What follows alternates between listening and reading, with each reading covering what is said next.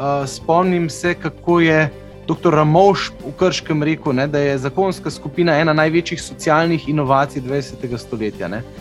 Zakonska skupina je v resnici preventiva. Če mi dva začneva delati na odnosu, ko je morje še mirno in ko se ne švigajo še strele, ne, uh -huh. si nabiramo, bom rekla, nek kredit, neke izkušnje za čas, ko, bo, ko, do, ko bodo te preizkušnje pa prišle. Odnosi so zakon. Dobro dan in lepo dobrodošli v drugi oddaji tretje sezone, ja, oddaje Odnosi so zakon. Z menoj je danes moja sodelavka Marita Bec. Marita, živijo, lepo pozdravljena. Živijo, Benjamin. Živijo. Uh, veš, ti si kar nekaj teh oddaj že sama odlično vodila, tudi prejšnjo. Uh, potem smo pa počasi ugotovili, da v resnici nikoli pa še nisi bila ti gostja in nikoli se nam nisi še zares predstavljala. Tako da, evo, današnja oddaja bo namenjena tebi in področju dela, s katerim se pri družini in življenju ukvarjaš, torej zakonskim skupinam. Pa da je to oddajo in najo sama in vse nas, ki poslušamo, gledamo, izročiti v Božje roke z eno kratko uvodno molitvijo. V imenu Očeta in Sina in Svetega Duha. Amen. Dobri Bog, hvala ti za to, da lahko živimo v času, ko se smemo ukvarjati z odnosi, ko smemo iskati globine, ko smemo iskati svoje vzgibe in ko jih smemo prinašati tudi tebi, da jih zdraviš. In ko smemo zakonci v zakonskih skupinah prihajati blizu drug drugemu, iskati povezanost, iskati intimnost, iskati večjo mero ljubezni v vsakdanjem življenju. Dej, da bo ta oddaja k temu pripomogla, po Kristusu, našem Gospodu. Amen. Slava Očetu in Sinu in Svetemu Duhu. Kakor je bilo v začetku, tako zdaj, vselej in vekomaj. Amen. V imenu Očeta in Sina in Svetega Duha. Amen. Tako, Marita, Marita Bec. Uh, Dej, prosim, povej, kdo si, uh, odkot prihajaš, kdo si bila, ko še nisi bila Becova, pa, pa kako, um, ja, kakšna je tvoja matična družina za začetek, potem bomo pa še kakšno o tvoji trenutni povedala in potem šla naprej z oddajo. Izvoli. Ja, preden sem bila bec, sem se pisala Polajnar. Mhm. Uh, sem hči profesorja in uh, pravnice, mhm. Gorenca in Štajerke, kar je zelo zanimiva kombinacija. Uh, in imam dva mlajša brata. Naša družina je bila taka, bom rekla, tra katoliško-tradicionalna. Um, je pa bil v njej ta blagoslov, uh, ki je verjetno tudi vplival na mojo zdajšnjo poklicno pot, da sta bila mami in ati že od vsega začetka v zakonski skupini. Wow. Skratka, jaz sem s tem, da starši hodijo na zakonsko skupino, rasla gor.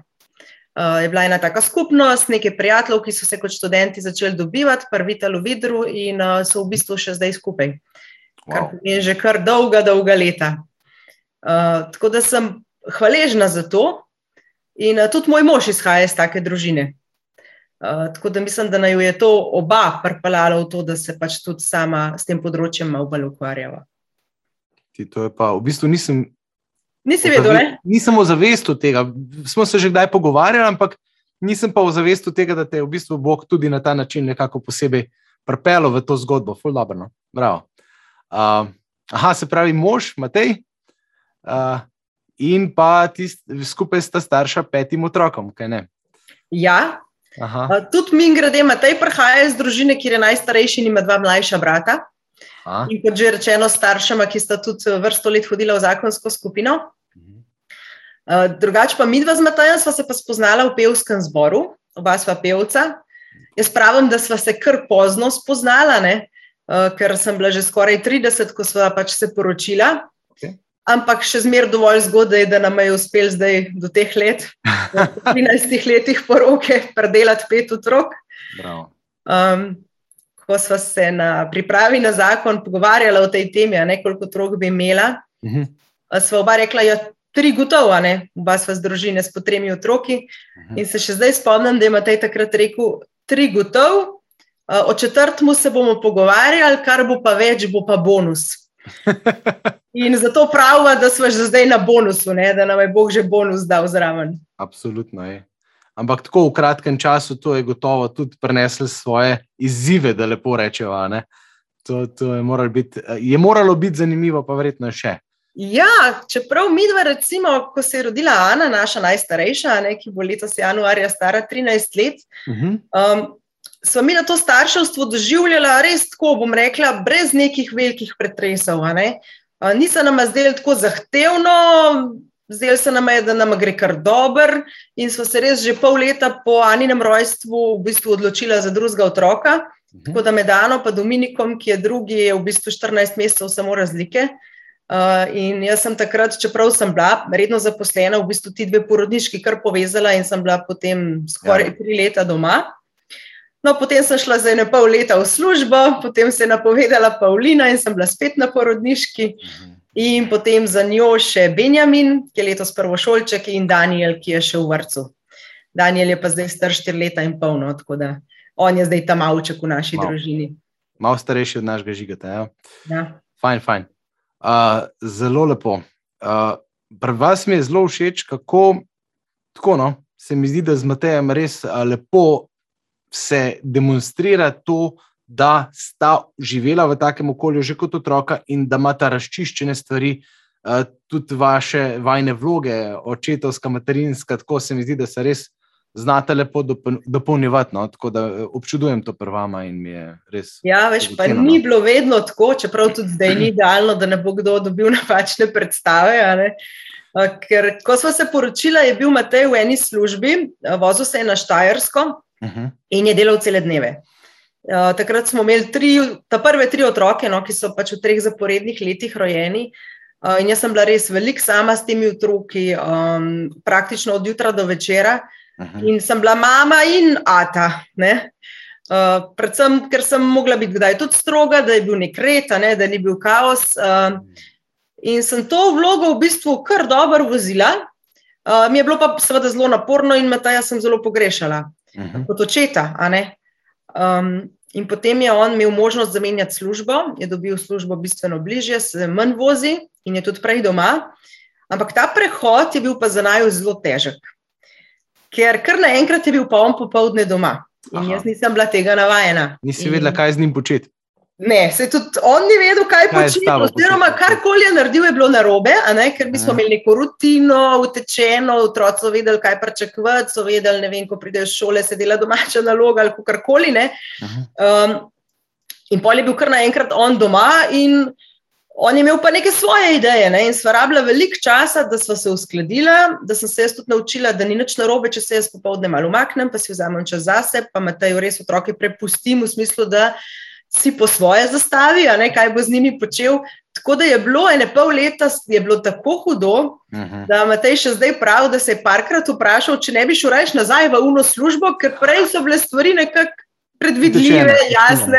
Veš, uh -huh, uh -huh. In je bilo res, mislim, šele takrat smo se pa začeli učiti no, uh, teh vlog. No. Uh -huh. uh, da pač ima on nek svoj način, kako se z otroki uh, vem, igra ali pa kaj z njimi počne. Uh -huh. In šele takrat sem jaz lahko začela spuščati, in šele takrat sem ugotovila, koliko sem v resnici utrujena bila. Ne. In ko sem se malo sprostila, je prišla neka, bom rekla, depresija. No, zato je bilo takrat tako hudo, ker Aha. sem mogla na nov svojo vlogo poiskati v naši družini in se učiti, uh, biti manj uh, komandant, pa bolj mama. Aha. A, a ni to eno, ne, se, sorry, ne, bom, ne, ne bom šel tja, hecam se. Um, Rečeš, da je to zelo pogosta situacija v velikih družinah. Ja, ja, se mi zdi, ja. seveda. Um, bravo, da ti je to uspelo, da, da si uspela poiskati to mesto. No? Pač, ko kar jaz to daleč vidim, Jane, kar pa ja ne pomeni, da so stvari idealne kjerkoli. Um, da mi povej, se pravi, ali je bilo že to spoznanje kakorkoli povezano z vajnim angažmajem v kakšni zakonski skupini, kot vem, sta bila dokaj malo po poroki, ki sta se že pridružila eni, ki ja. sicer ni bila dižava, ampak kako je to potekalo? Recimo? Ja, mi dva sva hodila na pripravo na zakon, ki je z UIT-om, ker so si mhm. želela tako temeljito pripravo. Se, pol leta sva hodila, sva šla že na pripravo na zakon, in po tej enoletni pripravi sva se potem poročila. In na tej pripravi na zakon nas je bilo pač kar nekaj parov, ki smo se isto leto poročili in smo se odločili, da bomo naredili skupaj zakonsko skupino. Uh -huh. um, delali smo, bom rekla, po sistemu najne poti. kar pomeni svetopisanski odlomek, pa tema, ki jo izbere vsakeč drug par. Uh, in s to skupino smo še zdaj skupaj. Okay. Uh, smo prijatelji, smo botri drug drugemu, pri krstih naših otrok. Uh, res se dobro razumemo no? in uh, smo že veliko dal skupaj čez. In smo za to skupino zelo hvaležni, ker um, nam je bila tudi v oporo, ko je bilo težko, ravno takrat, ko je Matej službo menjal, je bilo kar težko. In so oni takrat devetdnevnico delali za naju, so šli vsak večer, je šla ena družina Hmaši in jaz pravim, da so oni to službo izmolili. Res, še zdaj sem jim hvaležna, ker vem, da so se zadeve dolgo vlekle, no, dolg časa smo iskali, kako bi se to pač rešili, tako da bi bili lahko mi več skupaj. In uh, glede na to, da imate delo v logistiki, jaz pravim, da to drugače kot izmoljeno ni moglo biti. No. Hmm. Da bi bil službo, kjer je pač lahko tam ob pol petih vsak dan že doma in tudi relativno mirno živimo. Okay. Uh, tako da ta zakonska skupina je najna primarna. Uh, potem smo nekaj let kasneje ustanovili še eno zakonsko skupino v Župniji, ki tudi ni dižava. tudi tukaj smo pomagali pri ustanovitvi in tudi s to skupino smo zdaj že kar nekaj let skupaj. Um, no, potem smo pa mi dva iskala neke duhovne vaje za naju. Ne? Uh mhm. -huh. Nekaj let smo hodili k Patru Marklu v Tinje, potem smo iskala nekaj mogoče drugačnega. Uh, in smo se odločila, da greva na seminar Nepozabni trenutki za naju. Uh mhm. -huh. To smo bila v Nivicah in če se ne motim, sem res takrat četrtič noseča. Uh, bil je pa to prvi vikend, ko smo šla sama nekam brez treh otrok wow. in je bilo seveda noro lepo, ne, sej če greš sam nekaj brez otrok, je noro lepo že samo po sebi. Uh, potem je bil pa še program res dober, no, in sva se čist navdušila. In uh, sta naj v potem tem dani pa Vilma kar hitro zahaklala in začela vabiti malo bolj aktivno. Uh mhm. -huh. Tako da sva se potem udeležvala, um, dajemo naprej, ne usposabljanja za voditeljske pare, pa uh mhm. -huh. tudi na usposabljanja za pričevalske pare sva začela hoditi. Ampak mi, smo tudi tako hodila, ja, se pač usposabljava, da mogoče enkrat bo pa mi dva kaj ne aktivna. In vedem, in še zdaj se spomnim, ne. ne? Ja, se je to, ne. Ja, ja, ja.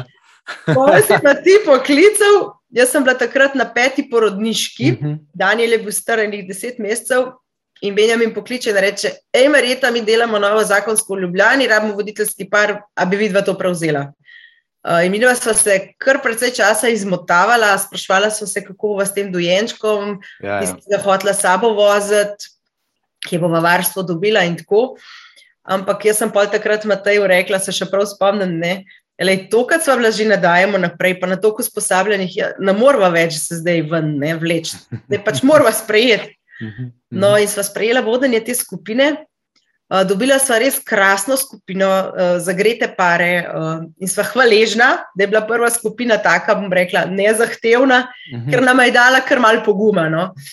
In tudi duhovni spremljevalec te skupine je bil brat Matej Nastran, ki je pač ja. izkušen duhovni spremljevalec in smo se tudi že odprej mečkam poznali in nam je bilo zato seveda veliko lažje in no, to skupino sva lani potem predala v dobre roke, tako da jo zdaj ne vodiva več. Uh mhm. -huh. Uh, smo pa vmes ustanovili pa na Črnučah pa še eno novo zakonsko skupino, ki pa je Diževa. Okay. No, in to je zdaj skupina, ki jo trenutno vodiva. Bravo. Ogromno enih izkušenj že v precej kratkem času, bi rekel, uh, ja. različnih. Ne? Mi je to zelo všeč. Uh, všeč mi je tudi to, res, kako si izpostavlja, kako je zakonska skupina kot en tak pojem, ti domač od malega ven. Uh, spomnim se, kako je dr. Ramovš v Krškem rekel, ne, da je zakonska skupina ena največjih socialnih inovacij 20. stoletja. Ne. Kaj tebi predstavlja zakonska skupina tako na splošno? Zakaj se ti zdi to dobra ideja, da rečemo? No? Ja, jaz bi tako rekla. Um, ena stvar je gotovo najnarasta, ki poteka, če si v eni taki skupini. Uh, Um, že to, da pač vsak mesec da je neko srečanje, da je neka tema, o kateri se treba pogovoriti, naj jo malo brca, ne? v ta zadnjo, da se vzameva čas, da se res usedeva, da se pogovarjava. V končni fazi, da greva takrat, ko je skupina od doma, da smo pač v enem drugem okolju. Uh, vse to je nekaj, kar se mi zdi, da rabi vsak par. Druga stvar, ki je pa nama tudi zelo pomembna in jo tudi doživljava v obeh skupinah, kjer smo pač že nekaj časa, ne? Je pa to, da je to ena skupnost, en varen prostor, ja. kjer lahko podeliš svoje stiske, kjer lahko prosiš za molitev. Uh, to so prijatelji, ki ti preskočijo na pomoč, vem, ko se seliš, ko ti vem, zboliš za korono in rabiš kakšno dostavo, ti prenesejo uh, kakšno hrano in tako naprej. Hmm. Skratka, tudi ta del se mi zdi zelo pomemben, ne? ker uh, današnja družba je zelo individualistično naravnana. Uh, tudi veliko parov ne živi več, recimo, s starimi starši oziroma starši v nekih medgeneracijskih skupnostih in so lahko zelo osamljeni. Ja. Za vsako težavo, ki jo imaš, misliš, da si ti edini na svetu, ki ima to, ta problem. Ne? No, to pa sploh. Ja. Sej ja. mi tam na zakonskih skupinah dobro, sej na začetku, ne prijem se nek ta varen prostor ustvar. Mogoče kažemo malo lepši del sebe, potem, ko se pa malo bolj spoznamo, pa si lahko začnemo deliti tudi svoje stiske, pa ugotoviš no, dejansko to, da težave imamo vsi in rešujemo jih lahko različno. Mhm. In te različni načini so lahko tudi za nas, bom rekla, neka ideja, kako se lotiti kakšne stvari, ki se ti pač v življenju zgodi, pa ja. ti prav pridejo. Ne? Definitivno. V naši skupini smo tako pari, da nas je polovička pač nekje najnih let, okoli 40, polovička je pa nekje nad 50. Ne? In mhm. tako prav spremljaš življenje ljudi deset let pred sabo in si v resnici lahko predstavljaš, kaj te čaka za vogalom. No? Ja. Tako da je uh, strašno dragoceno to. No? Se pravi, ko, tudi ko se ustvari varen prostor, pa si upamo podeliti kakšno stisko drug z drugim. Uh, Marsikdo še vedno misli, da je zakonska skupina neka terapevtska skupina za tiste, ki imajo težave, ampak to ni to. Ja, To je kar pomembna stvar, no, ki mhm. moramo imeti nekako v mislih. Zakonska skupina je v resnici preventiva. Če mi dva začneva delati na odnosu, ko je morje še mirno in ko se ne švigajo še strele, ne, mhm. si nabiramo, bom rekla, nek kredit, neke izkušnje za čas, ko, bo, ko, do, ko bodo te preizkušnje pa prišle. Um, in se obračajo na nas mnogi pari, ne, ki pač so že v nekih stiskah ali pa težavah, In moramo vedno presojati, ali tak par v tem trenutku potrebuje zakonsko skupino, ali so te težave, recimo, vem, da se ne znava pogovarjati, da so neke take, ki se jih še da v okviru zakonske skupine nasloviti, pa se kaj naučiti, uh mhm. -huh. ali pa gre za pač bolj resne težave, kjer je pa res mogoče bolj potrebno najprej na pomoč terapeuta. Ja. Potem, ko se določene stvari predelajo, pa seveda potem zakonska skupina kot eno varno okolje, kjer lahko pa jaz vzdržujem ta recimo, odnos ali pa neke dobre načine, kako pač v odnosu uh, delujem. Uh, tako da to, to je zelo pomembno. In če recimo voditeljski par prepozna, da je v skupini kakšen par, ki ima težave, ki presegajo okvir zakonske skupine, je dobro in prav, uh, da se ga napoti po dodatno pomoč. Ja, ja. Um, omenila si preventivo. Ne?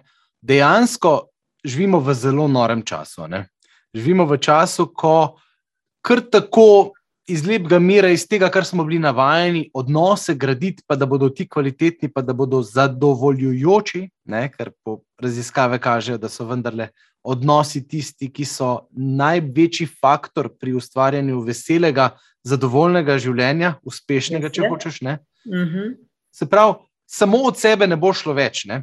Zdaj smo imeli seminar, uh, sorry, zdaj bom še jaz malo, ampak na nepozadnji trenutki na rogli sem bil po dolgem času spet zraven in sta Dani pa Vilma omenila njuno pot, kamino. Ne? In je to ena lepa prispodoba tega, da stopimo v, namenoma ne? v pot gradnje odnosov. Ne? Se pravi, mi smo hoteli poudariti tudi zdaj besedo namenoma.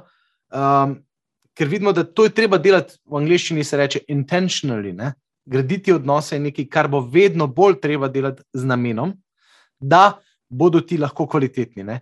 In če je ta pot kamino, ne, sem potem na koncu tega seminarja rekel: Vi še niste v Santiago, vi še niste prišli do svetega Jakoba, do kompostele, vi niste prišli do konca te poti, ampak ste stopili na več sto km pot, ki v resnici traja celo življenje. Zakonska je pa tista, ki ti da te puščice, ne, te smerokaze. In ti jih da v bistvu redno, te prisili, da koledar noter, pa rečeš, je moramo jeti, treba je jeti. Ja, to se mi zdi glih ta odgovornost do skupine. Veš, mhm. ker vse obstaja in kup dobrih knjig, priročnikov, ki bi jih mhm. lahko zakonci v resnici vzeli pa doma delali po njih. Ampak jaz tako pravim, ne, ljudje smo po naravi lena bitja. Ne? In rabimo neko mrežo ali pa nek način, ki nas mečkam tera, ne, da, da nas drži v eni pripravljenosti. In seveda, če ti priješ na skupino, čutiš neko odgovornost, da predelaš temu, da se pripraviš. Uh mhm. -huh. Da moraš večno, pač, eh, bom rekla, fejkat. Ja. Uh, in to je to. Ne. Mi smo drug drugemu v oporo, v spodbudo, pa tudi v, bom rekla, tistega, ki drug drugega porivamo v, v neko pravo smer. Ne. Uh, Eh, in uh, zato se mi zdijo pač take oblike ne, eh, srečevanj za zakonce pomembne. Uh mhm. okay. Ti si recimo potem, koliko časa je zdaj že? Januarja lansko leto si prišla, ko, 2020. 2020, ne, ko je Alež zbolel in ko smo potem urgentno iskali neko novo osebo, si prišla, bi rekel, iz javnega sektorja v družino in življenje kot nova sodelavka in kot nekdo, ki je specifično zadolžen za zakonske skupine. Ja, okay. Trenutno še urejaš revijo na mesto Mete, ki je na porodniški, ampak uh, zakonske skupine so tvoj primarni klic. Uh, kako si začutila pa to zdaj? Stopnjevanje tega angažmaja, pa delo s pari, z voditelji, z uh, člani zakonskih skupin, kako se ti zdi? Uh, da, mislim, jaz vidim, da ti gre odlično, ampak tako, kakšni so tvoji občutki? No? Ja, treba naše voditeljske pare vprašati. Ja, jaz, ko sem začela, ne, Aleš, Aleš mi je predal med enim in drugim ciklom zdravljenja, mi je predal pač, kolikor mi je lahko informacij. Mhm. Imel je zelo dobro postavljen sistem, ki je mar, mi je v marsičem olajšal ta prehod. No, mhm. res, uh, vse zabeleženo, s kom je bil v stiku, koga je že kam povabil in tako. tako da, zato sem mu res hvaležna, ker postaviti sistem je, se mi zdi, ta prva in najtežja stvar. Ja. Um, no, potem pa, ko sem prevzela je bilo malo, bom rekla, nesrečnih okoliščin, ker je udarila korona.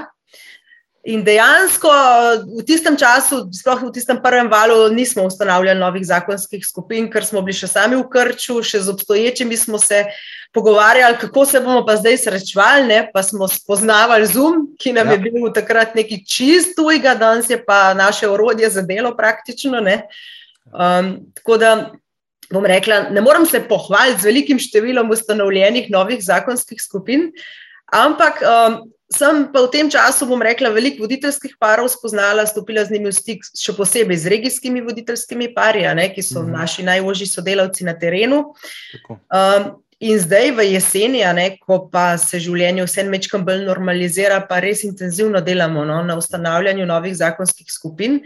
Tudi letos poleti smo dobili res, res veliko prijav, prek spletne strani, kjer imamo poseben obrazec. Ne, ja, vabljeni. Tako se lahko upišete. Um, tam se pusti neke osnovne podatke, ne, o paru, koliko časa sta poročena, in potem te pare malo pokupčkamo, ki, ki so približno vem, v Ljubljani, v Mariboru in tako naprej, tudi mečkam potem, koliko časa so poročeni. In potem poskušamo narediti novo zakonsko skupino, jih povabimo, poiščemo voditeljski par, duhovnega spremljevalca, prostore, Tako da je logično. Na začetku kar... šolskega leta je najbolj čas za to, ne? se pravi, ja. september, oktober je ta, ta pravi cajt, ne? osem se jih trenutno ustanavlja, če kaj vem. Ja. Uh, osem, osem jih imamo pač v načrtu, upam, da se, da se nam bo išlo, ampak gotovo se bo še kakšna zgodila. Uh, sem pa zelo vesela, no, da, da niso samo tiste, ki jih pač bom rekla, mi ustanavljamo iz pisarne, da se tako reče, ampak me tudi pokličajo zakonci, prijatelji. Ja pa rečejo, da je štiri, pet parov nas je že, mi bi rabili vašo pomoč, bi začeli uh, pač delati v zakonski skupini, vaša gradiva bi imeli, nam date kakšen voditeljski par. Uh, in teh inicijativ sem pa še posebej vesela, no? uh mhm. -huh. ker uh, so zdaj časi, ne, ko se mi zdi, da smo pa se zavedali, da je res treba delati na odnosih. Ko smo bili toliko časa zaprti skupaj, uh, In smo celo tisti, ki se imamo načeloma kar radi, pa se dobro razumemo, ne? velikrat grdo gledali med sabo. Uh, tako da sem vesela, kadar pari sami prepoznajo to potrebo in v bistvu pridejo že tako ena izdelana skupina in nas prosijo za pomoč, ne, da začnejo z delom. No, posamezniki se pa tudi lahko prijavijo, ali pa tudi se lahko prijavijo, celo da bi jo ustanovili, pa lahko mi dodamo kakšne pare. Tako, tako. Ja. Skratka, kdorkoli bi ali šel samo skupino, ali bi jo ustanovil, ali razmišlja, da bi se v župniji kaj postavilo, uh, se lahko obrne name. Jaz imam mail marijeta afnadiš.si uh, in potem se slišimo in uh, poskušamo ne, uh, prideti naproti in, in res narediti tisto, kar ljudje dejansko potrebujejo. Odlično. Ja. Um, Da vam mogoče večkrat povedati, kako same skupine, kako so strukturirane, kako mhm. potekajo srečanja. Uh, še tukaj morda kakšno vprašanje, ki ga pogosto dobiš, probava razrešiti. Ja, uh, torej skupine imamo sestavljene iz približno od 6 do 8 parov, kar seveda ne pomeni, da jih je sam toliko, v nekaterih so tudi sam po 3 ali pa 4, v nekaterih je celo kakšen več. Um, In skušamo nekako delati skupine tako, da so noter približno pari, ki so približno enako dolgo poročeni. Uh, zdaj, kjer je recimo vem, v urbanih središčih, kjer je teh parov veliko, to ni tako težko sestaviti. Um, kjer je pa recimo kakšen kraj, kjer teh parov ni veliko, pa sestavimo tudi kakšno mešano skupino, ne, kjer niso tako blizu um, pari. Pa ugotavljamo, da tudi take skupine lahko dobro funkcionirajo. Eh, ravno z tega vidika, ki si ga ti tudi prej omenil, ker se tam mlajši, eh, čez pogled starejših, malo učijo za prihodnost. Uh, samo morajo biti pa pari dosta odprti, no, pa biti uh, pripravljeni pač sprejemati drug drugega v tej medgeneracijski različnosti, ki pa pač vemo, da je. Um, ampak kot rečeno, no, uh, nekako pa skušamo skupine dati tako, da skupina skupaj raste da če damo recimo mlado poročence, da potem grejo skupaj čez ta obdobja, vem, ko so dojenčki, ko otroci odraščajo, uh, ker mogoče se potem lažje ujamejo, pa bom rekla, imajo podobne uh, skrbi v podobnem življenjskem obdobju. Um, to je to, skupine pa delamo zelo različno. Ne? Nekatere so tipično župnijske, sploh tam, kjer pride in, inicijativa iz same župnije ali pa od domačega župnika. Uh, imamo pa tudi kar veliko skupin, ki pa niso vezane na en sam kraj ali pa na eno samo župnijo, uh, kjer recimo se zbirajo pari iz neke širše okolice, recimo regije. Uh -huh. In tudi take skupine imajo svoje prednosti. Uh, župnijska Mislim. skupina je recimo bolj povezana, ne? lahko uh, se videvaš, ne vem, vsako nedeljo pri Maši ali pa ne vem, imaš otroke v isti šoli. Uh, in je z vidika neke medsebojne pomoči ali pa druženja gotov dodana vrednost. Uh -huh. Se je pa parom, vsaj tistim, ki so pa mogoče bolj introvertirani, mogoče lažje odpirati v skupinah, kjer pa ne poznajo vseh, ne? kjer se gradi, bom rekla, ta varen prostor bolj počasi, uh, Um, in kjer tudi potem ljudi, ki jim poveš neke zelo osebne stvari, ne boš naslednji dan srečal v trgovini, ne, ampak se boš videl šele čez en mesec na skupini. Tako, uh, tako da tudi take skupine so za določene pare, bom rekla, um, jim bolj pašejo, no, jim bolj mhm. ustrezajo. Mhm. Fajn. Um, potem, ko pridemo v skupino, imamo pa par pravil, ne, ki se jih držimo, uh, mogoče kar poveno, s katerimi nekako, prej sem jih že omenil, na kratko. Uh, probamo poskrbeti, da se lažje ustvarja ta varen prostor, pa da ni tistega, da bi eden, bo rekla, tisti, je bolj zagret v paru, preveč prevladoval nad drugim, ki je morda pa še okleva, pa ni čist prepričan, ali je to res za njega. Mhm. Ja, prva stvar, za skupino se morata odločiti oba. Mhm. Uh, Imamo, eh, bom rekla, razlike v stopni zagretosti. Ponavadi, mi da smo tam, da res izjema, no, ker so bila oba enako zagreta za skupino. Ampak drugače, pri večini parov, ki jih pa pač jaz srečujem, pa z njimi delam, pa vidim, da je eden v paru tisti, ki potegne ta voz naprej, mhm. sam se more pa drugi s tem strinjati, oziroma mora v tem videti nekaj smiselnega. Ne? Eh, ker če bo hodil na silo, ne bo hodil dolg. Tako. Eh, in dejansko mora biti skupina odločitev obeh. To je prva stvar. Oba, Ja, seveda. Ja. Um, tudi na skupini ne, uh, se trudimo ustvarjati ta varen prostor s tem, da se zavežemo, da vse, kar se bomo v skupini pogovarjali, znotraj skupine tudi ostane. Ja. Ne, da dejansko, ko podelimo neke zelo osebne stvari, vemo, da bo to ostalo v tem krogu in da so te naše podelitve varne. Mhm.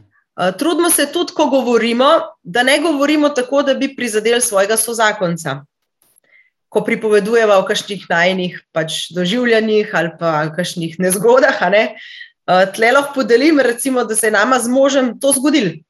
Da smo enkrat imeli eno temo in sem jaz podelila nekaj, kar se mi dva prej doma nisva tako v detajle pogovorila, nič hudega sluteč, uh, in sem na njegovem obrazu videla, da sem ga prizadela. On se sicer tam na skupini potem ni nič oglasil ali pa me hotel uh, popravljati, ampak ko smo šla domov, sem ga pa vprašala, ne, če ga je to prizadelo in v čem, ne, ker jaz pač nisem tega naredila namenoma, niti nisem vedela, da ga bo prizadel. Uh mhm. -huh. no, in mi je povedal, in sva razčistila, in sem se mu tudi upravičila. Um, tako da to so lahko zelo nerodne situacije, ki se pa lahko zgodijo tudi, bom rekla, kljub najboljši volji, da tega ne narediš. Ne?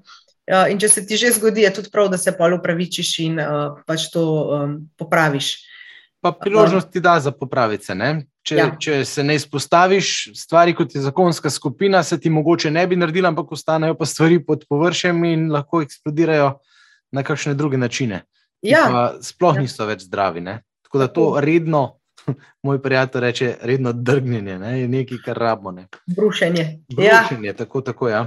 Uh, no, pomembna stvar v naših zakonskih skupinah, kar nas pa bistveno razlikuje od večine drugih zakonskih skupin, ne, ki ne delujejo v okviru družine in življenja, je pa ta, da imamo uh, kot neko obveznost para, poleg tega, da pride enkrat mesečno na srečanje, uh mhm. -huh. tudi to, da gresta v tem mesecu od ene do druge skupine vmes na zmenek. In da si lahko na zmenku, lahko pa kot ločen večer, vzameta še čas, da se pogovorita o vprašanjih, ki jim mi rečemo, uh, kako že trenutki za naju. Po domače rečemo temu domača naloga, mhm. Ampak ker ima ta termin zelo negativne asociacije, pri tistih, ki niso radi v šolo hodili, mhm. smo zdaj izbrali en boljši izraz. No? Uh, skratka, trenutki za naju so pa vprašanja, ki sledijo vsaki lekciji. Ne, na vsaki skupini se predela ena tema, ena lekcija, in potem je nekaj vprašanj, o katerih se mi dva pogovarjava doma. Mhm. Ta vprašanja so ponovadi mečkam bolj osebna kot tista, kateri, o katerih se na skupini pogovarjamo, in so pa res namenjena pogovoru med nami. Da si mi dva vzameva čas in uh, tisto temo med sabo še malo trdiva, ali pa odpreva kakšno bolečo stvar, pa jo poskušava razčistiti. Mhm. Super pa še zdaj v prenovljenih gradivih so ta vprašanja mečken bolj skoncentrirana, tako ja. da ni več tok te. Tuk trenutkov za naju potrebnih, da narediva to domačo nalogo, kot je bilo prej. Tako da, ja, eh, prenova gradiv poteka, ne, počasi sicer, ampak eh, delamo zdaj, eh, dva letnika sta povsem na novo narejena. Tako da tisti, ki bi zdaj začeli z novo zakonsko skupino, boste delali po prenovljenih gradivih, Uh, rekli smo, da tako, no, zagovarjamo načelo postopnosti v resnici. Ne? Se pravi, mm. da se začnemo najprej o odnosih in o komunikaciji pogovarjati, in potem naprej, kako uh, se pravi. Tudi ne, pri družini in življenju vidimo, da sta oba vidika pomembna, se pravi ta odnosni vidik in duhovni vidik. Ne? Ampak s temi novimi gradivi nekako večkrat več uh, postopnosti uvajamo, tudi glede duhovnosti da lahko tudi tisti, ki niso tako domači z vero, vstopijo, bi rekel, v, v to delo na odnosih najprej, pa potem vidijo dragocenost tudi duhovne rastino. Ja. Eh, dejansko smo skušali nova gradiva ne, zastaviti tako, da bi bila, kako naj rečem, uporabnikom prijazna. Uh, zato so krajše lekcije, ne, ker prejšnje so bile res dolge in so včasih se razvlekle čez mesec, dva ali pa celo tri. In tudi ti nepoza, uh, trenutki za naju, no, ta naša vprašanja, ne, uh, so zdaj obvladljiva, uh, kar pomeni, da pač se lažje lotiš, ker, ker jih ni toliko. Uh, ker na meni je res v tem, no, da, da nekako to pride v rutino na enega zakona, da si vzameva čas. Če si ga na začetku vzameš 15 minut, pa prvo leto pač 15 minut, si ga boš naslednje leto mogoče lažje vzel pol ure in tako naprej. To je ta postopnost, o kateri si tudi ti govoril. Postopnost je pa tudi na področju duhovnosti. V prvem letniku je malo manj svetopisanskih odlomkov, kot so bili navajeni tisti zakonci, ki so pač začeli s starimi gradivi. Um, tukaj mogoče povem tudi to, no, da si pa nekatere skupine želijo več, uh, uh, poudarka na svetem pismu že v prvem letniku. Uh, in tukaj res uh, spodbujamo voditeljske pare, da začutijo, kaj njihova skupina potrebuje. In če potrebuje več tega, in če si tega več želi, uh, um, ni nobene uvere, ne, da se ne dogovorijo, recimo, da na vsakem srečanju predelajo še ne vem, dnevno božjo besedo ali pa odlomek, ki bo ne vem, naslednjo nedeljo pri Maši ali kaj takega. Mhm. Um, tako da ta postopnost, če ne pomeni, da uh, se ne moramo izogibati. Ja, ja, ja. ja. uh, to se mi zdi fajn povedati. No? Pa mogoče bi še povedala, kaj je, je meni najlepše v naših novih gradivih. Uh, to je pa to, da so noter pričevanja mhm. naših parov, ne. Parov, ki so naši pričevalci ali pa tudi člani naših zakonskih skupin. Uh, to se mi pa zdi, da dela ta gradiva še posebej naša. No? Mhm. Tudi v tem smislu, da se zakonci lažje prepoznajo v teh situacijah, ne, ker izhajajo iz naše kulture, iz našega prostora. Uh, in tudi uh, se lažje poistovetijo no, s stvarmi, o katerih te pari pričujejo. Ja, pa tudi, da vidijo, da res da nismo idealni, da pričujemo o svojih stiskah, o težavah, o ranljivih stvareh. Um, tako no, se mi zdi, še vedno, čeprav to toliko poudarjamo, to ranljivost in pomembnost pristnosti, se velikrat v zakonskih skupinah tudi um, zaplezamo v tem, da, da nam je tako težko spustiti te, te maske, te zidove. No? Tako da tukaj res je ena tako močna spodbuda, tudi z najne strani, bom rekel. Ljudem, ki ste v zakonskih skupinah, da dovolite si biti odprti, boste veliko več, bomo veliko več odnesli od tukaj. Ne? To se mi zdi, da je ena taka pomembna reč. Druga je pa ta, ti si omenila dve uh, obliki ali pa dve vrsti oseb, ne? večkrat že voditeljske pare, pa, mhm. pa pričevanja, pa pričevalske pare. Kako gre to pri nas skupaj? Da je večkrat pojasnjen, kako delamo, uh, kdo so voditeljski pari, kdo se lahko javi za voditeljski par. Tako. Ja, um, specifika, bomo rekla, mogoče naših zakonskih skupin no je tudi tema, ne, da um, mi nekako želimo, da ima vsaka skupina voditeljski par. Uh mhm. -huh. uh, če je to popolnoma nova skupina s pari, ki se ne poznajo med sabo, ne, uh, potem ta voditeljski par ponavadi najdemo mi. Izmed tistih naših parov, ki so že navajeni voditi zakonske skupine, in to, rekla, počnejo že skoraj na pol poklicno. um, Koliko je takih voditeljskih parov trenutno? Voditeljskih parov imamo okoli 180. Uh -huh. ja. uh, ker je pa skupin skoraj 250, ja. uh, vodijo pa nekateri, seveda, po dve. Ne vem, zdaj, če trenutno kakšen tri skupine, no, ampak uh, jih je kar nekaj, ki vodijo po dve skupini uh -huh. uh, in se tako dajo na razpolago. Hvala. Uh, Hvala. Skratka, kot rečeno, ne, uh, ta voditeljski par to novo skupino pospremi na pot, uh, se pa trudi, ne, da v tej skupini ne ostane zaparkiran ne, in da med pari v tej skupini uh, išče nov par, ki bo po določenem času, ne, mi rečemo tam. Od enega leta pa do treh, več pa že ni v redu, ja. predal vodenje skupine enemu od parov znotraj skupine. Um, torej, to je pri tistih skupinah, ki so čisto na novo. Eh, če se pa naredi kakšna skupina, recimo vem, ljudi, ki se že poznajo med sabo, ali pa so že tudi kakšni, imajo izkušnje z vodenjem, ne vem, so skavtski voditelji, bili in tako naprej. Pri takih parih pa niti ni nujno, da pošljemo mi voditeljski par, se pa lahko oni med sabo zmenijo, ne, kdo bo prevzel to vlogo. Um, in zakaj ne, mi tako ustrajamo pri tem, da imenujejo voditeljski par? To je tudi eno pogosto vprašanje mhm. in uh, kamen spotike za nekatere. Um, naši zakonci se namreč zelo ne radi uh, sami sebe nazivajo zvoditelji. Imajo uh, občutek, da jih to daje na nek piedestal, uh, da morajo biti zato boljši, uh, skoraj popolni, uh, zelo goreči in uh, skoraj teološko izobraženi. Uh, tako da na tem mestu bi rada še posebej poudarila, no? ne, da vsi smo na poti. Uh, nekateri so še bolj, še bolj na začetku, nekateri so že bolj naprej, ne? nekateri so že pač zelo daleč, ampak čisto vsi smo na poti, uh, popolni ne bomo nikoli, to že vemo. Uh, in uh, za voditeljski par je bolj kot vse predznanje na temo vodenja in teologije in tako naprej, uh, pomembno to, da so goreči, da jim je mar, mar za Jezusa, mar za skupino, mar za ljudi. Um, In da res, da so pristni, no? da so takšni, kakršni so, ker s tem najbolj pričujejo. Uh, in če imaš ne to naravnanost, ti, ti Bog že da tisti, kjer imaš pa mogoče kakšen manjko ali pa kjer imaš uh, še kaj se za naučiti. No, pa tudi uh, mi imamo nekaj gradiv pripravljenih, pa pomagamo zmentorirati ljudi. Tako, tako. Sploh pri teh, ki prvič prevzemajo vodenje, recimo, ne, imamo možnost dodeliti mentorja.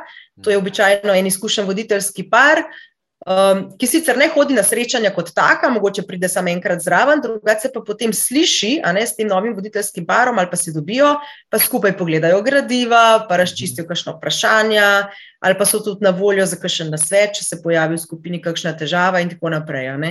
Um, tako da To je recimo, imamo več različnih oblik dela, ker so situacije v skupinah v resnici zelo različne. Uh -huh, uh -huh. Um, v kolikih primerih pa imajo zakonske skupine zraven duhovnega spremljevalca? Um, vemo, da žal to ni več možno povsod, večina pa še ne.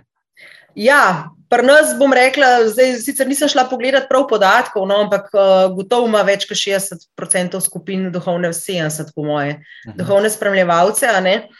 Zdaj, nekatere jih imajo, bom rekla, tako, no, res na polno zraven, ne, da so res mhm. na vsakem srečanju, da so tudi eh, aktivni, ne, da pomagajo pri razlagi kakšnih odlomkov svetopisanskih. Uh mhm. -huh. Eh, druge jih imajo, recimo, eh, niso tako redno zraven, ampak so jim pa na razpolago, ne, ne vem, za kakšno svetomašo ali pa pač pridejo vsake toliko časa. Uh, če dalje več, ne, to je pa treba kar priznati, je pa tudi skupin, ki dejansko duhovnih spremljevalcev nimajo. Uh -huh.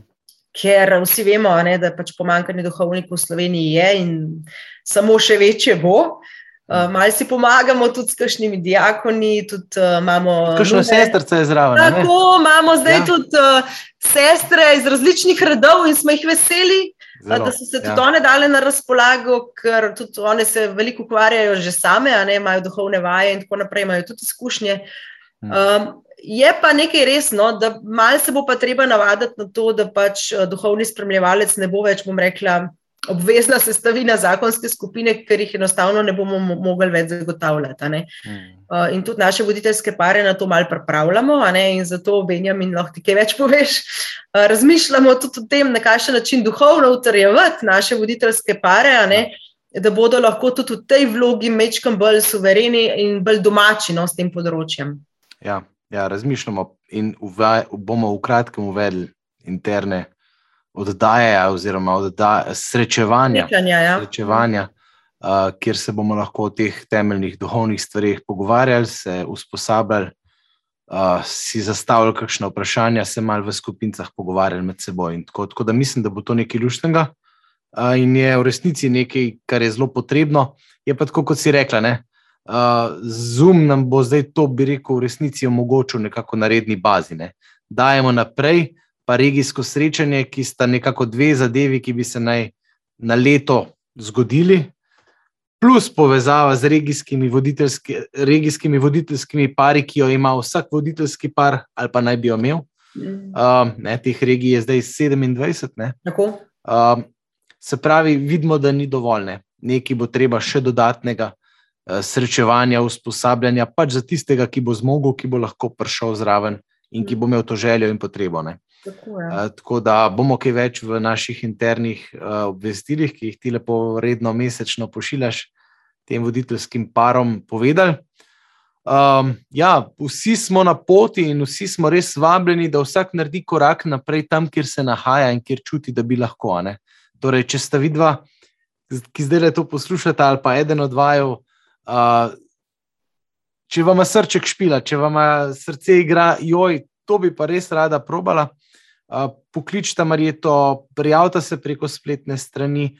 Glede, tukaj gor je link, se lahko prijavite na spletno stran.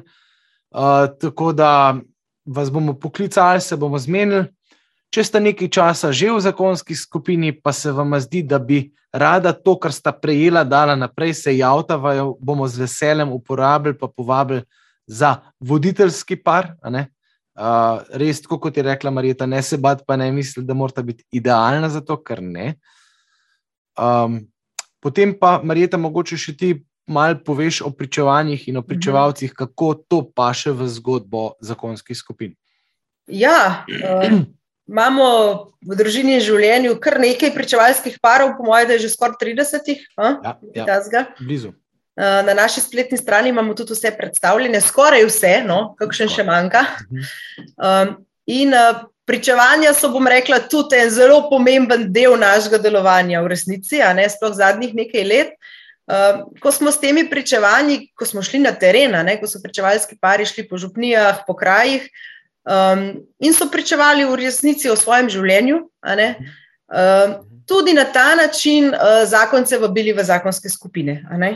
Um, da, da so imeli eno možnost se udeležiti nekega dogodka, ki še ni srečanje zakonske skupine, pa vsem dobiti malo občutka o tem, ne, kaj sta pa te dva pričevalca. Eh, v življenju dala čez in kako je pa tudi njima vera in tudi vključitev v zakonsko skupino pomagala čez te preizkušnje. Ja, ja. uh, tako da zdaj, ko se spet začenja, oziroma smo že kar dobro začeli šolsko leto, je to dobra priložnost, da se organizira kakšno pričevanje.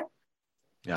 Izkušnje lanskega leta so nas naučile, da lahko pričujemo uh, tudi preko Zuma, ja. in da se da tudi preko Zuma zelo nagovoriti ljudi. Uh, tako da ta pričevanja preko Zuma bomo uh, tudi mi še organizirali. Um, Ampak pomembno pa je v lokalnem okolju. Ja, ja, vsekakor je pa zdaj možno tudi v živo. Uh -huh, uh -huh. uh, in naši pričevalci vam bodo povedali, da veliko raje pričujejo v živo, da vidijo vaše obraze ne preko ekrana, ampak pač pred seboj. Ja. Da bodo zelo veseli povabila na kakšno pričevanje. Eh, koordinacijo pričevalcev imam nekako tudi jaz, če se tudi tebe, zato ja. obrnete name. Uh, poveste pač, kje bi to bilo, kdaj imate v načrtu, in potem jaz poiščem, uh, skupaj v bistvu poiščemo pričevalski par, se pogovorimo, kaj so tiste teme, ki so v vašem okolju najbolj aktualne, ali pa tiste stvari, ki zakonce okoli vas najbolj, uh, bom rekla, obremenjujejo, in skušamo najti pričevalski par, ki pričuje pač o nekih podobnih temah. Ne? Um, Tako da, ja, naši pričevalci bodo, bodo veseli vašega povabila, bomo veseli vašega povabila. Ja, res je.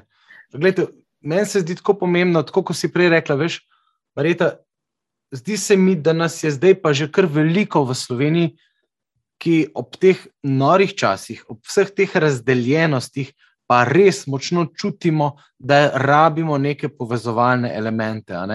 In, uh, gled, če si član zakonske skupine ali pa kdorkoli, ki bi rad nekaj od tega dal naprej, ti lahko daš naprej že to, da tole oddajo, pošleš za enim, a veš po Messengerju na Facebooku, deliš privatne, komu rečeš, da si tole pogled.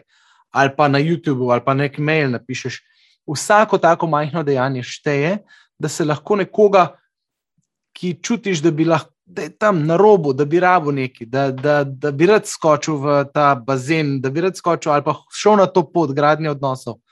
Um, lahko vsak od nas z nekim minimalnim dejanjem, ki od nas zahteva pol minute dela, nekomu spremeni življenje. Mm. Mislim, nam je, nama, meni se zdi, meni in tebi, nam v ekipi je to noro, da nam je dano delovati v takšnem poslanstvu. No. Ja, Jaz lahko lah še malo skočim nazaj, ne? ko si prej omenil, da sem prej delala v javni upravi. Ja, ja. Jaz sem bila skoraj 15 let v javni upravi, čeprav sem po izobrazbi profesorica angleščine, hmm. pa nisem delala v svojem poklicu, razen čisto, čisto na začetku. In tudi v javni upravi, čeprav smo bili zakopani v papirje in zakonodajo, ne, uh, so me vedno zanimali odnosi med ljudmi. V kateri koli ekipi sem bila, ali sem bila samo eden od pač, eh, členov, ali pa nekaj časa tudi v vlogi vodje, so me zanimali ti odnosi in sprašvala sem se, kako lahko uh, naredim sodelavce res kot tim, da bi se dobro med sabo razumeli, da bi bili sproščeni, da bi radi hodili v službo. In se mi je zdelo to veliko bolj pomembno od samega dela, ki smo ga upravljali, zato mhm. ker če ekipa dobro funkcionira, potem so tudi rezultati. In uh, ker sem si pač vedno želela in sem razmišljala o teh odnosih in uh, iskala poti, kako pač ljudem približati ne, to, kako se uživeti v kožo drugega, da, da, da bomo lažje delali skupaj. Uh, sem potem začela ugotavljati, da me ta služba, v kateri sem bila, ne izpolnjuje do te mere, da bi jaz čutila, da lahko nekaj res pomembnega naredim. Prejšnja, ne? Ko me je Benjamin enkrat povabil na kavo, ne? Ja. Čist nič hudega sloteč, ne? Deva se mal pomeniti, kako bomo mi 20 let odižali. No, a lahko vod v to naredim, prosim. No, dej, dej. No, dej. Bilo je, ti si že prej ene dvakrat ali trikrat mene klicala, pa mi samo inicijativno želela pomagati na dveh ali treh drugih področjih. Potem je bil pa dajmo naprej 2019 v Radencih, kjer je že Aleš bil bolan, to je bilo par mesecev, predno smo se pol mi dva videla, ne dva meseca prej. Mhm. In tam si tudi samo inicijativno en kupenih stvari videla, poštimala, pomagala zorganizirati. Uh, tako, in tam sem te jaz, bi rekel, uočil. Ne? Tam sem jaz rekel, wow, tale Marijeta Bec bi pa lahko bila ena čudovita zamenjava za Aleša, ki ima ta pravo mero vsega. No? In potem uh, predvsem pa je bila ta samo inicijativnost tista, ki sem jo videl, no, pa, pa tvoje organizacijske sposobnosti, pa vse to, uh, pa srce, ki je bilo zagreto za to delo. No. In pa sem rekel, wow, da je Bog, da je na meni potrditev. In ko smo pač v ekipi tudi molili ta, v ta namen, je bilo povsem jasno vsem, da je to to. Ja, in pa so šla na kavo, ker je bila ena od stvari, za katere si se ti javila, to je bilo pred korono, da boš pomagala pripravljati piknik ob 20-letnici Diža ne, naslednje leto, in pa smo se kao s tem namenom dobila. No, ja, in potem je Benjamin vprašal, v bistvu, ne, kaj pa če bi ti kar k nam prišla. Mhm. Uh, in uh, čeprav sem jaz, jaz sem tudi dolgo molila za to, no, da bi mi Bog pokazal mhm. eno pot, eno službo, kjer bi lahko delala to, pač, kar me najbolj zanima, torej nekaj z odnosi in z ljudmi. Uh, In v bistvu odločitev sploh ni bila težka. No? Tudi Matej me je z vsemi štirimi podprl, ne? in rekel, da je tako vabilu, pa ne moreš reči ne. Tako da je pa to proces, no? se mi zdi, ne, da, da je fajn in tudi Benjamin, da ti veš, koliko mi te izkušnje, ki sem jih pridobila, pač tistih 15 let v javni upravi na različnih delovnih mestih, zdaj prav pridajo. In sem hvaležna, no, prav vidim to, to rast in to pot, po kateri me je gospod peljal. Um, in sem, sem hvaležna za to, no, da, da sem zdaj tle, kjer sem si pač uh, želela biti. No. Mm. Hvala Bogu. Res, uh, pri njem se tako lepo poklopijo stvari. No. Um, jaz sem kar mal tvegal s tistim vprašanjem, in pol, kar vidim, sozo. In si pa nekaj zelo pomembnega rekla. Jaz že zelo dolgo molim za to, sem pa rekla, da če je božja volja, bo potrditev prišla od zunaj. In evo je bila. In in je očitno božja volja. Tako da sem hvaležen, da si z nami, hvaležen, da si tako srcem to delo delaš. Uh, Lejte, Marjeta je ful prijazna punca. Je, uh, zna biti tudi oštra, ampak ne čist na začetku, ko jo prvič pokličeš. Ne se bati poklicati, ne se bati napisati. Uh, karkoli v zvezi s tem, kar smo zdaj govorili, bi vas zanimalo, vprašajte, napišite, po, pofočkajte se tukaj ali tam, z velikim veseljem vam bo, bomo pomagali vam ali pa vam, da drugim pomagate stopiti na pot ene gradnje odnosov, za katere je vredno živeti in jih prenašati naprej, kot pravimo pri družini in življenju. Um, Marita, morda še kakšna zaključna misel? Ja, mogoče bi se pa priporočila v molitev, pa ne sam sebe, mm -hmm. ampak kar vse naše delo. Ja. Pred kratkim smo naredili eno novo molitveno navezo, se jih vsake, vsake par mesecev kakšno naredimo, ker so potrebe velike. Ja. In bi vas res povabila, sej verjetno tudi sami opažate številne stiske. Uh, dajmo moliti za družine, ja. dajmo moliti za zdrave zakone, uh, dajmo moliti za to, da bi v družini in življenju znali prisluhniti Božjemu glasu in peljati to zgodbo, ki jo pač sta Dani pa Vilma začela pred dobrimi 20 leti naprej, uh -huh. um, ker delo na odnosih pač nikoli ne bo iz mode. In bo ja. vedno potrebno, in uh, ga je res potrebno podpreti tudi z molitvijo. No? Uh, mi sicer delamo veliko na metodah, pa na vsebini, pa na kvalitetnih programih, oddajah in tako naprej, ampak če tukaj zadaj ni ene vojske molilcev, potem smo v resnici nemočni. Ja, ker zelo proti kateremu se borimo, ali pa rečemo, kar dobesedno hudiče, pa kar zelo proti temu, da se dela na odnosih, da se dela v družini za družine, da bi družine zdrave bile in obstale. Uh, in ti napadi so v zadnjem času res močni. Tako da, ja, hvala, se strinjam. Zelo močen in potreben poziv. Molimo. Amen. Amen. Hvala lepa. Hvala, Marita. Hvala, Matej, ki zvesto stojiš ob strani. Kar vem, smo zmenjeni tudi z Matejem, kmalo za eno oddajo, tako da Matej ja. uh, živijo, oziroma za lešem boste naredila, se priporočamo. Um, hvala vsem, ki ste, ki ste namenili tale del svojega časa, te oddaji. Uh, naj bo vaša gradnja odnosov blagoslovljena. Se kmalo vidimo prihodnič, pa naslednje.